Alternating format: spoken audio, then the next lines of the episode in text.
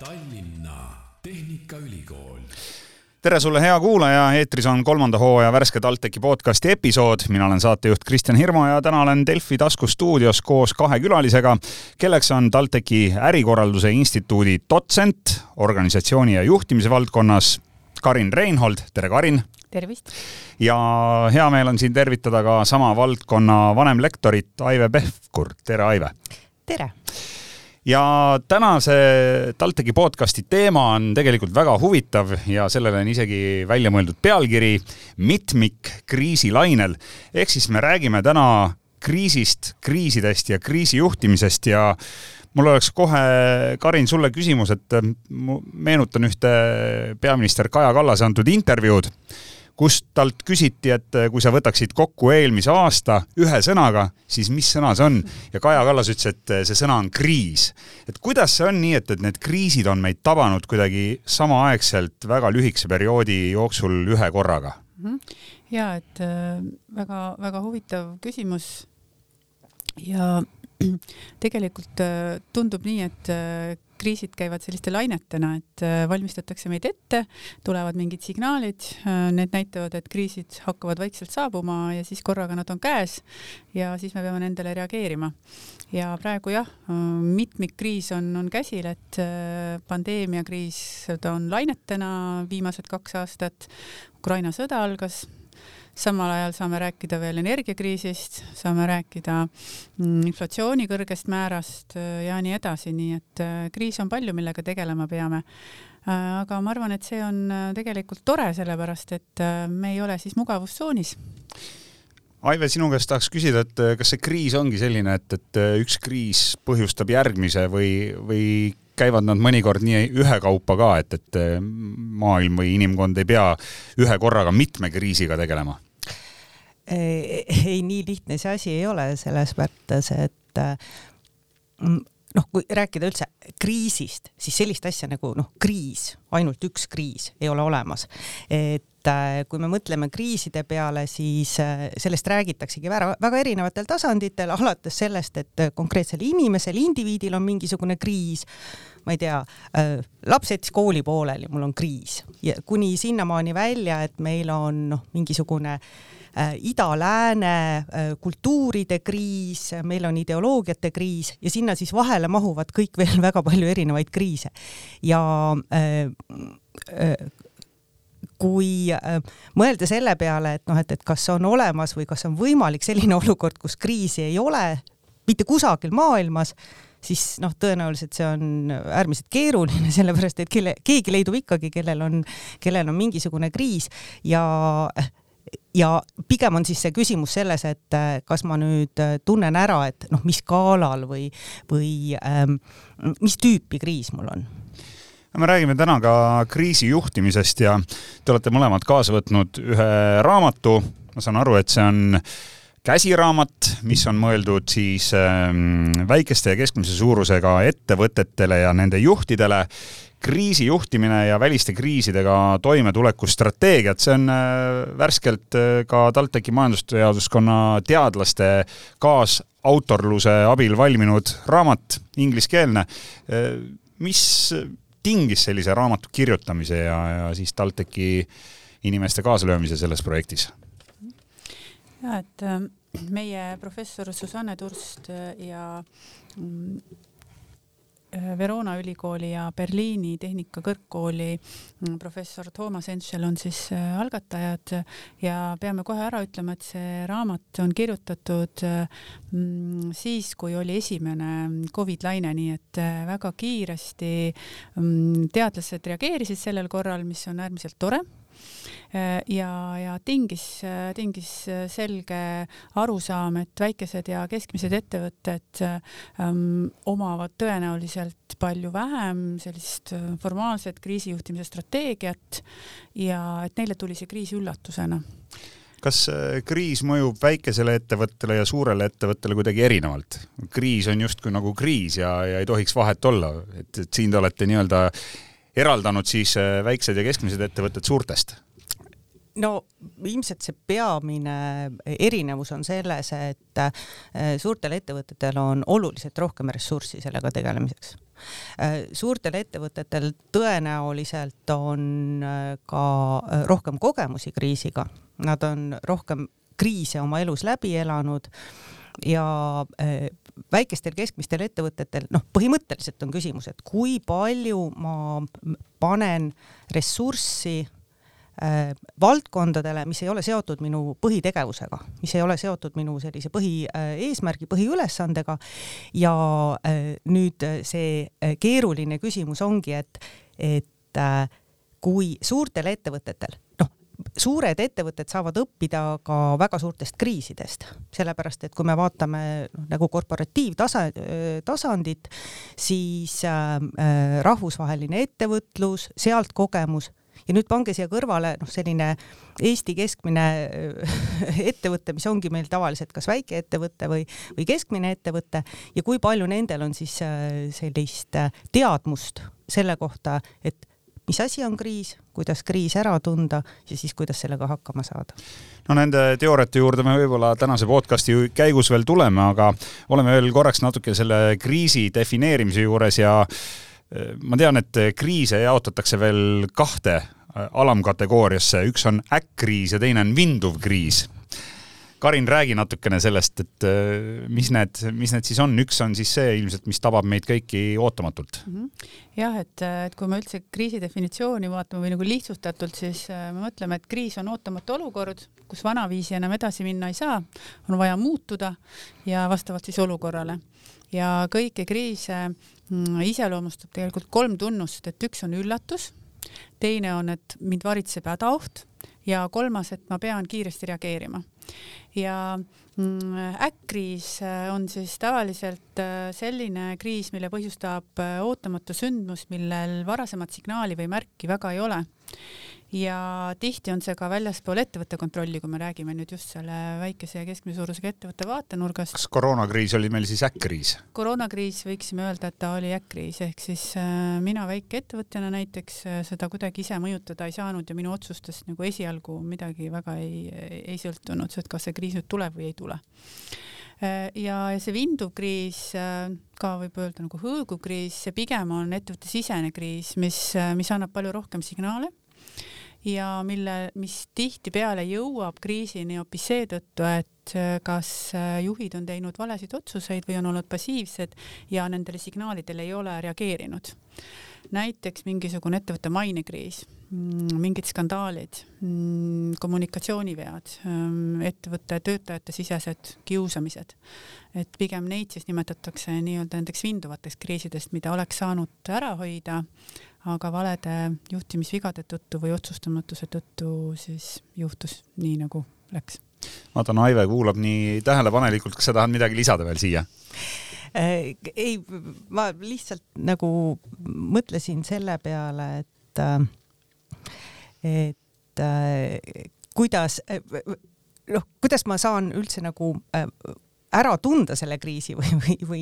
näha ette, et oh, et nüüd, nüüd ta tuleb, et koputab uksele ja sealt, sealt ta tuleb. no ja võtame kasvõi selle ettevõtte sisese, et, et kas juhil on olemas ka mingid sellised kindlad tundemärgid või, või mingid sündmused, mis ettevõttes aset leiavad ja, ja need viitavad siis kasvõi sellele ettevõtte sisesele, sisesele vinduvale kriisile? no kui me nüüd võtame juhi perspektiivi, siis kui juht selle ära tunneb Äh, siis ta juba. siis on juba hilja. No siis ei tea, võib-olla ei ole hilja, vaid siis ta saab hakata reageerima, aga noh, miks ta vindub, sellepärast et äh, kas ma ei tunne seda ära või äh, ma ei taha seda ära tunda, mul on noh, ongi see, see minu mugavustsoon on äh, käes, mul on, tundub, et noh, kõik töötab, kõik on nagu hästi ja kusagil seal midagi toimub, et äh, ja ühel hetkel lihtsalt äh, noh, see ettevõte, äh, mis on ju suures osas põhineb sellel, kuidas äh, inimesed seal toimetavad, eks ole, et, et ükski ettevõte meil ei toimeta iseenesest, vaid tänu inimestele. ja kui nüüd see juht ei reageeri, eks ole, siis äh, see äkkriis, sellele veel kuidagi on nagu põhjendus, miks ettevõte ei teinud midagi, aga nende vinduvate kriiside puhul see on nagu probleemiks, et kuidas me saaksime ähm, äh, saavutada olukorra, kus meil kõik juhid on nii head, et nad äh, tunnevad selle kriisi ära võimalikult vara ja reageerivad võimalikult vara. ja et äh, tegelikult hea juht Äh, hea, ütleme kriisi, kriisi, kriisis juht on see, kes enne kriisi signaalid avastab ja annab neile tähenduse, ehk siis mingisugused võib-olla ka eraldiseisvad signaalid paneb ühte puslesse kokku ja oskab näha siis suurt pilti ja, ja, ja sealt edasi minna no nende juba mainitud kriiside, koroonakriis, energiakriis, finantskriis, julgeolekukriis, nende kõrval mul viimastest suurtest üks, mis on jäänud kõrva, oli veel selline päris huvitav, võib-olla natukene spetsiifiline, aga see oli kiibikriis. Et kas see kiibikriis on ka nüüd selline, et mida oleks pidanud ette nägema, oleks osanud ettevõtete juhid, kes selles valdkonnas, mis siis neid kiipe vajavad, toimetavad või, või tuli see ka ootamatult, oli see selline äkkriis? see ei olnud mitte klassikaline tehnoloogiakriis, mis, mm -hmm, mis äh, oleks ka tõenäoliselt olnud ette, ettenähtav ja, ja, ja signaalidest äh, märgatav. no ma niimoodi mõtlen äh, suures pildis, et et mulle ta tundub pigem nagu selline natukene ka noh, kriisid tulevad alati hulgakaupa, eks ole, et, et oleks ainult kiibikriis olnud, siis tõenäoliselt saaks sellele varasemalt reageerida, aga kuna see oli nüüd äh, pandeemiakriisiga äh, ühel ajal, õigemini sellest tingitud, siis äh, väga keeruline on mm, tegeleda äh, kriisiga, mida suuremas skaalas ta on või, või mida noh, mastaapsem ta on, eks ole, et et ongi, et kui mul väikeettevõttes on kriis, siis äh, see ei mõjuta äh, väga paljusid inimesi noh, väljaspool seda väikeettevõtet, aga kui meil on siin krii-, kiibikriis, siis äh, uusi autosid ei saa ja, ja mitte kusagil maailmas ei saa, eks ole, et, mm. et selles mõttes need suured kriisid, noh jällegi siin peab vaatama nagu seda, et, et äh, kelle vaatest me vaatame, et noh, et, et, et kas see on nüüd siis see vinduv kriis või äkkriis, eks ole, et, et autotööstuse jaoks tundub, et see on juba nüüd nagu vinduv kriis ja, ja selles mõttes ka need kriisid nagu muudavad oma äh, noh, ei saa öelda, et nad olemust muudavad, aga nad äh, noh, see, kuidas me neid defineerime, see muutub ka aja jooksul. Ja vastavalt sellele siis on ka küsimus, et noh, et, et kas ma nüüd saan aru, et üks kriis muutub teiseks ja et, et ka minu äh, käitumisstrateegia või, või minu otsustusstrateegia peab muutuma tänu sellele, et see, see kriisi olemus on, on muutunud see tähendab seda, et äh, ettevõtetes peaks olema mingi selline äh, kriiside puhul käitumise juhend, strateegia, mingid varuplaanid, plaan B, C, D,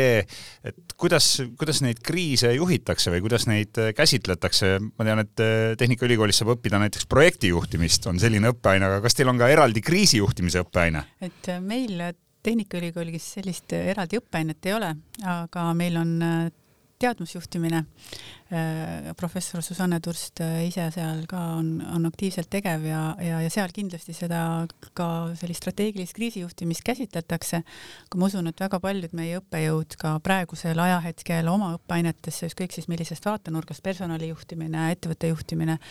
ähm, kindlasti käsitlevad äh, ka, ka kriisijuhtimist siis, siis spetsiifikas. aga kui me jälle lähme korra tagasi sinna väikeste ja, ja, ja, ja keskmise ettevõtte juurde, et siis tõenäoliselt neil seda, seda strateegilist plaani on, on vähem, aga kui juba juhil on omal peas need mõtted ja, ja ta oskab, oskab neid ka võib-olla töötajatega läbi arutada, et siis juba selline ka suuline väljendus, et, et me, et me oskame käituda, kui kriis tuleb, on nagu juba väga hea, ehk siis see, see juba, juba siin sellest hetkest, kus, kus mul jõuab mõte,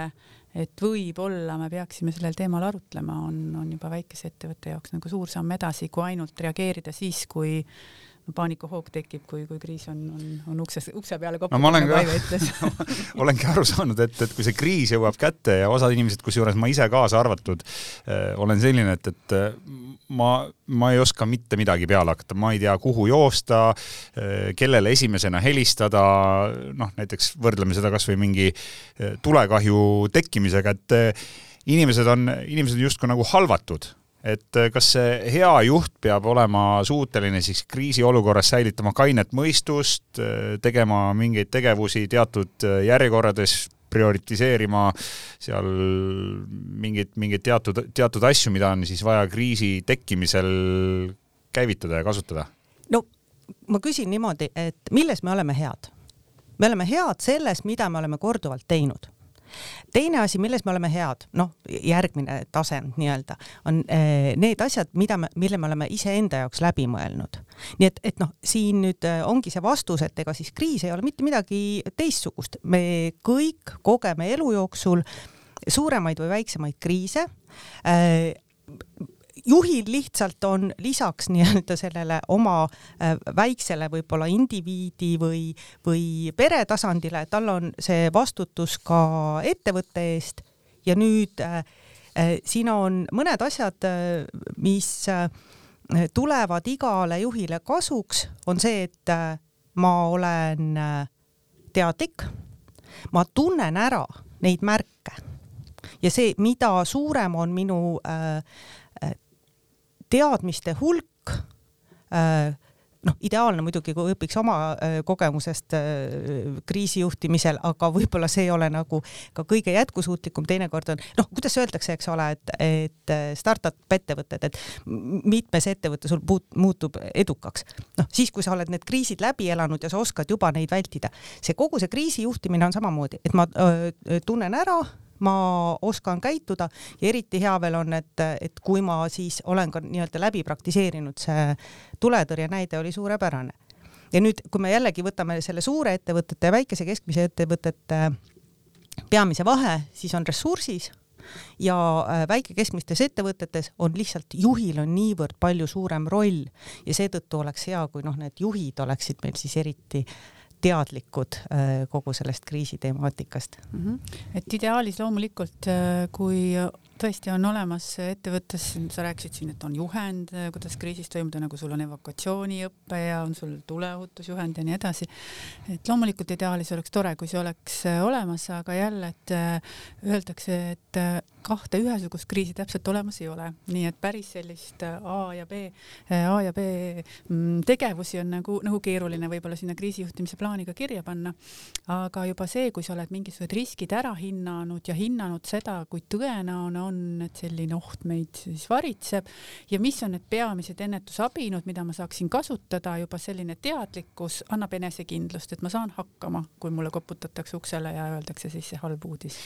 aga kas Eesti inimesed oleksid osanud aimata, et selline kriis nagu koroonakriis tabab maailma ja tabab seda maailma nagu nii rängalt ja põhjustab nii palju erinevaid protsesse, mida me siis nägime selle kriisi tipphetkedel no ütlen isiklikult, et äh, eestlased ei ole ju sellise suure pandeemiaga kokku puutunud. võib-olla kui katk välja arvata seal mitmed sajad aastad tagasi. mälu ei ulatu nii kaugele, eks ole. mälu ei ulatu nii kaugele, et, et kas, kas koroonakriis kuidagi näiteks erines äh, siiamaani, no kas või Eestit või üleüldse laiemalt maailma tabanud kriisidest? No ma usun küll, et see peamine äh, erinevus oli see, et äh, kui aktsiaturgudel on kriis, siis äh, noh, aktsiaturgudel kauplejaid on oluliselt vähem kui neid, kes said Covid viiruse ja selle läbi põdesid, eks ole. et see miks me nii palju kõneleme sellest koroonapandeemiast, see peamine põhjus on ilmselt see, et see vahetu kogemus ja see, kuidas see mõjutab igaühe äh, individuaalset elu, eks ole. et kui me räägime jälle nüüd, et kusagil seal noh, mingisuguses väikeettevõttes oli kriis, see väikeettevõte läks pankrotti, teda enam ei ole, okei okay,, noh, võib-olla jäi viisteist inimest tööta aga äh, nüüd see olukord, mis meil siin äh, koroonaaegu oli, kus äh, terved valdkonnad, Horeca valdkond sai väga teravalt pihta, inimesed pidid põhimõtteliselt hakkama ümber korraldama oma tööelu, oma eraelu, noh, praktiliselt ei olnud valdkonda, mida see ei puudutaks, et noh, selleks ei saagi valmis olla. Noh, ainus lootus on nüüd see, et me oleme sellest nii palju õppinud ja et noh, et vist tunnetuslikult ka iga järgmine laine oli selle võrra, kergem, et, et see õppimise moment oli seal sees. Kas kriisi puhul, nagu sa mainisid, et kui kuskil väikses ettevõttes on kriis ja viisteist inimest jääb tööta, see tundub umbes samamoodi, et, et kuskil Aafrikas mingis riigis käib sõda, see on seal kaugel, see meid ei puuduta, täna on meil sõda, noh, piltlikult öeldes ikkagi omaenda ukse all siinsamas Euroopas Venemaa kallaletung Ukrainale. et kas nende kriiside puhul reageerimine ja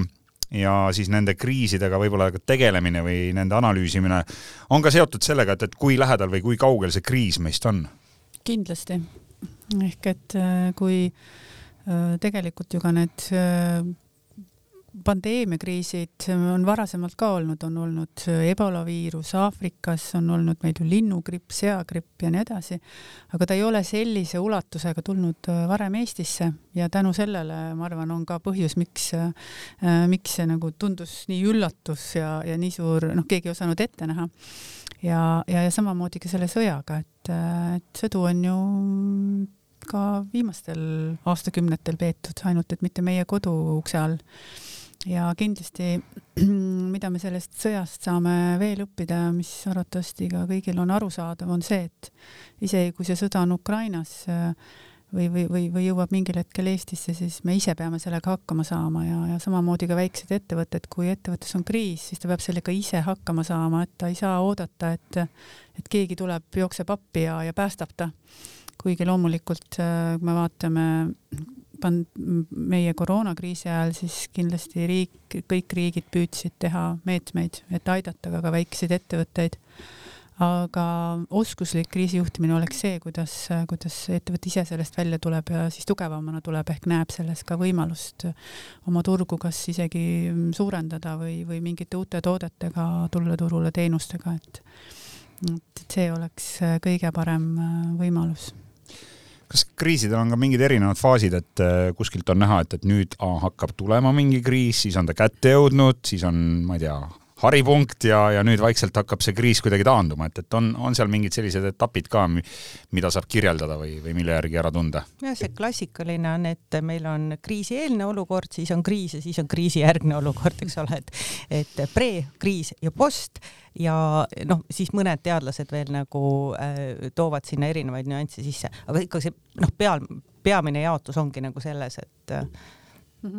Ja et äh, Aive siin hästi juba ütles, et ähm, et muidugi see kõige võib-olla viimane, noh, esimene me juba oleme palju rääkinud sellest, kuidas signaale avastada ja, ja see kõik sinna, see, see pool, aga, aga kindlasti ka see kriisi lahendamine, sellest õppimine. et siin Aive ütles ka, et, et noh, et me ei taha nagu teiste kriisidest õppida ja tundub, et, et kriis on tihtipeale nagu niivõrd negatiivse alatooniga, et, et me e, e, tahame selle ruttu ära unustada, kui see on, on läbi läbi no ja, nagu öeldakse, öeldakse ka ju rahvakeeli, et Äh, kuidas see oli, loll õpib enda ja tark teiste vigadest. tegelikult ju kõikidest nendest kriisidest oleks ju õppida küll ja, väga palju. ja ehk siis jälle, kui me läheme sinna väikese ettevõtte või, või, või keskmise suurusega ettevõtte juhi juurde, et äh, siis te, tuleb nagu tema selline hea peegeldusoskus, et, äh, et mis me siis tegime ja kuidas me tegime, kas meil läks hästi või halvasti ja mida me saame sellest õppida, mis on need head asjad, mis me saame võtta kaasa, et järgmisel korral reageerida kas siis sarnaselt või teistmoodi. et see viimane selline õppimise osa ja intelligentne juhtimine ja, ja, ja õppiv organisatsioon tuleb sinna kindlasti nagu kasuks, kui, kui, kui, kui nii on. ja ma võib-olla lisaks seda, et äh, noh, mis see teadlaste roll on, eks ole, et noh, et, et me räägime siin kogu aeg, et väike keskmine ettevõte, juht, eks ole, et tormab kriis tema poole, et mis ta tegema peaks. aga teadlaste roll ongi ju vaadata noh, teha mingisuguseid üldistusi, näidata ära tendentse ja anda siis nii-öelda seda eelnevat infot või, või nagu, et siin saatejuht ütles, et, et õppida siis äh, teiste vigadest ja olla see tark. ja äh, noh, ka, ka meie raamatus on äh, erinevad autorid, on toonud erinevatest valdkondadest neid näiteid nii-öelda ait-, peaks aitama reflekteerida, et kas see puudutab ka mind. Kuidas mina saan sellest äh, õppida, mida mina saan äh, äh, rakendada võib-olla selles oma ettevõtte toimimises ja nüüd see, see küsimus, noh, tundub, et kõige keerulisem küsimus ongi, et, et kuidas seda nii-öelda akadeemilist teadmust, mida me siis ülikoolis loome, oleks võimalik üle kanda äh, ettevõtte igapäevapraktikasse ja, ja läbi selle muuta siis just need noh, meie väikeseid ja keskmiseid ettevõtteid tugevamaks. no raamatu pealkirja üks osa on ka väliste kriisidega toimetuleku strateegiad, et kui nüüd mõni ettevõtte juht endale selle raamatu soetab või läheb raamatukokku ja ja laenutab, et kas ta saab sealt ka siis päris mingid sellised konkreetsed strateegiad äh, a la näiteks sellist tüüpi kriis, selleks äh, valmisolekuks peaks olema ettevõttes olema need ja need ja need asjad täidetud? ikka ja äh, noh, ma ütleks, et äh, nagu onu Reemuses äh, Rebasonu ütles, et, et sain tüki tarkust juurde ja äh, Karin juba ütles ka, et, et ei ole kahte ühesugust kriisi. noh, see ei ole matemaatika, see on pigem nagu äh, selline äh, loovus ja ja nii nagu ei ole kahte ühesugust ettevõtet, ei ole kahte ühesugust kriisi, aga mis on ühesugune, on see äh, kriitiline vaade asjadele, teadmuse kogumine ja siis äh, selle, selle rakendamine. ja kui vaja on, siis ka äh, tulla meie teaduskonda ja, ja nõu küsida. aga kas on siis võimalik kriisideks õppida? kindlasti on ehk äh, juba see, et, et me isiklikest kogemustest äh, õpime järgmiseks kriisiks. Äh, aga kui me räägime Tallinna Tehnikaülikoolist, siis ma arvan, et meie kõikides ärikorralduse instituudi õppekavades ähm, saab targemaks ja saab ka kriiside osas targemaks, nii et ähm, kindlasti on võimalik kriisideks õppida. jah, ja kui ma mõtlen isegi seda, et kui me räägime tudengitega ükskõik mis valdkonda läbi noh, mina saan tuua näiteid personalijuhtimisest, siis äh, noh, kui on kõik hästi, kui kõik kulgeb, kui kõik on selline noh, normaalne, tavapärane, siis mida me sealt õpime? tavapäraselt, kui meil on mingisugused juhtumi analüüsid, siis need ongi kriisijuhtumid. Ja äh, kui me räägime tudengitega, et millised on juhtumi lahendamise strateegiad, siis me sisuliselt ju analüüsime seda, millised on kriisist väljumise strateegiad. et loomulikult, loomulikult mm. -hmm. no ma võiks veel äh, võib-olla siis äh, märkida ära seda, et, et äh, kui sa, Aive, oled personali juhtimise valdkonnaga tegelev, et juht peaks kõigepealt moodustama hea meeskonna, kes nii-öelda suudab ka kriisisituatsioonis adekvaatselt mõelda, kellel on ka võib-olla mingeid teadmisi ja, ja varuplaane, et, et ikkagi lõpuks inimestest ja nende juhtimisest algab, algab suurem, suurem osa ka sellest kriisijuhtimisest. absoluutselt ja äh, iga äh, noh, ka ettevõtte tüüp näiteks noh, kui me räägime pereettevõtetest või kui me räägime väliskapitaliga ettevõtetest, nendel igalühel on omad sellised väikesed eripärad, nüansid ja sealt äh, see üldistatud teadmine peaks mm, nii-öelda paremini ette valmistama neid inimesi, kes siis sellesse kriisi sisenevad no juhtimist saab ka ju tegelikult Tallinna Tehnikaülikoolis õppida ja ma usun, et siis äh, juhi, juhid saavad nagu ekstra veel selles vallas ka teadmisi mm -hmm. Tehnikaülikoolis ja et kindlasti, et äh, aga ma tahtsin äh, veel korra jõuda sinna juurde tagasi, et et noh, me üritame kogu aeg äh, neid, neid kriise nagu hästi juhtida, et äh, aga, aga, aga tegelikkuses, kui me vaatame reaalset pilti, siis ega, ega kõik ettevõtted ei, ei suuda edukalt juhtida. ja võib-olla kõigil ettevõtetel ei olegi vaja või, või ütleme, ei olegi õige neid kriisist läbi vedada, ehk siis kuskil on ettevõttel algus, kuskil on lõpp ja, ja kriisist tegelikult me nendest õpime, aga kriis ka puhastab, ehk siis jäävad järgi paremad. Ja jäävad järgi need, kes on paindlikud, kes suudavad kohaneda. ehk siis äh, kriis toob esile uued liidrid, toob esile uued teadmised, vanamoodi edasi enam minna ei saa ja ka uued ideed paremini kriisis äh, tulevad välja ja see on ka võib-olla, mida me siis just seal ülikoolis õpetame, et kui meil on need juhtumiuuringud, seal on mingi kriis ja sealt see tudeng saabki selle analüüsivõime ja ta saab oskuse, kuidas äh, siis toimetada nii, et, et, et oleks siis tema ettevõte see, kes ei kuulu nende alla, kes siis hääbuvad. no kõlab muidugi karmilt nende ettevõtete suunas, kes on pidanud kriisis kannatama ja kes ei ole võib-olla sellest puhtalt välja tulnud. ja aga siin on nüüd üks moesõna kõikides erinevates juhtimise teooriates on see säilenõtkus või paindlikkus, eks ole, et, et kui me mõtleme selle peale, et et Nokia kunagi alustas kummikute tegemisest ja lõpet-, noh, ma ei ei okei okay., ütleme, et niimoodi, et veel ei ole lõpetanud, aga, aga ühe oma kriisi elas üle äh, Äh, kõrgtehnoloogilise äh, tehnoloogiaettevõttena, eks ole, et, et see ongi nagu see küsimus, et, et kas ma saan hakkama, kuidas ma saan hakkama, siis uuringud näitavad näiteks, et äh, need toitlustusettevõtted, kellel oli juba eelnevalt äh, mingisugune veebitugi äh, toidu äh, mis siis, siis on jagamiseks. laialivedamiseks. laialivedamiseks, eks ole, et nemad said paremini hakkama. see ongi, et, et e, ega siis kriisiks valmistumine on tegelikult tulevikuks valmistumine ma olen kogu aeg avatud uutele variantidele, ma saan aru, ma nuusutan õhku, ma saan aru, mis toimub. ja e, võib-olla teadlaste ülesanne on ju e, ka noh, näidata ette neid tendentse, mis tulevikus tulevad ja et tänu sellele äh,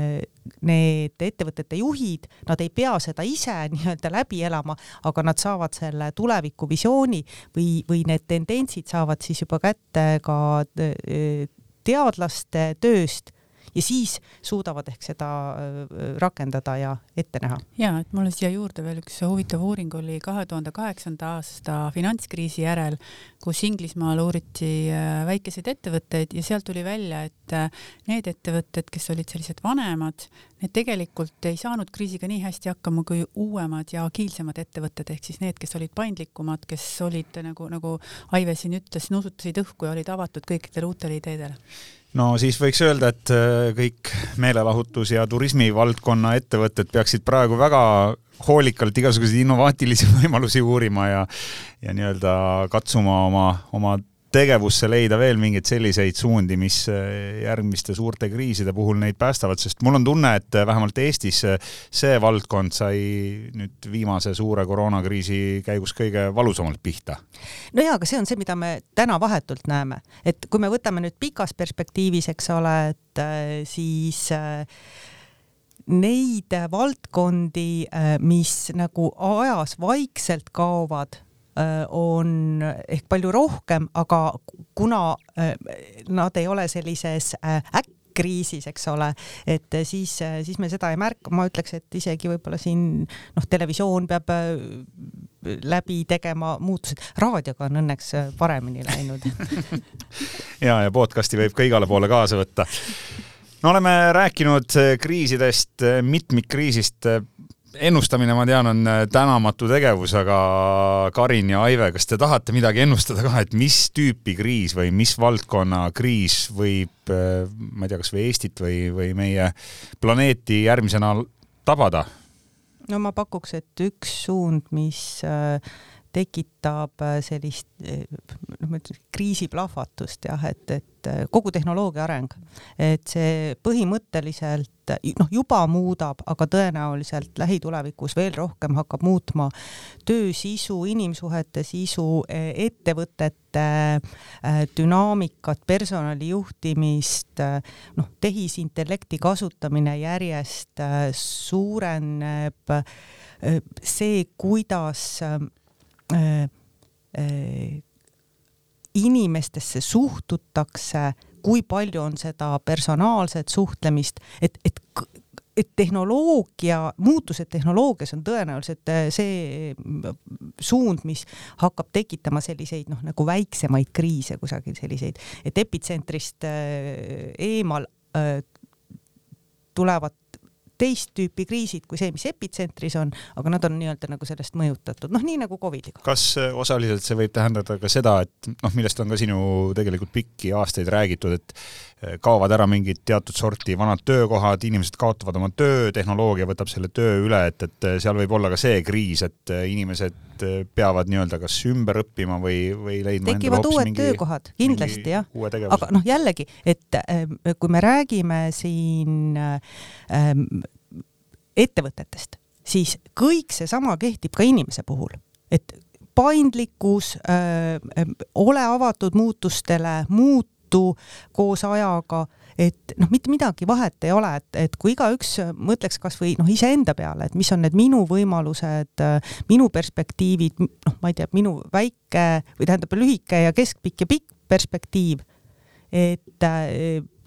siis äh, iseendas selgust saamine äh, tõenäoliselt äh, panustab ka sinu ettevõtte paremale, paremaks hakkamasaamiseks. Mhm. ja et kui isegi kriis, siis meil põhiliselt ikkagi suhestub nagu negatiivsete mm, mõtetega, siis, siis tegelikult uuringud näitavad ka seda, et, et need juhid, kes on optimistlikumad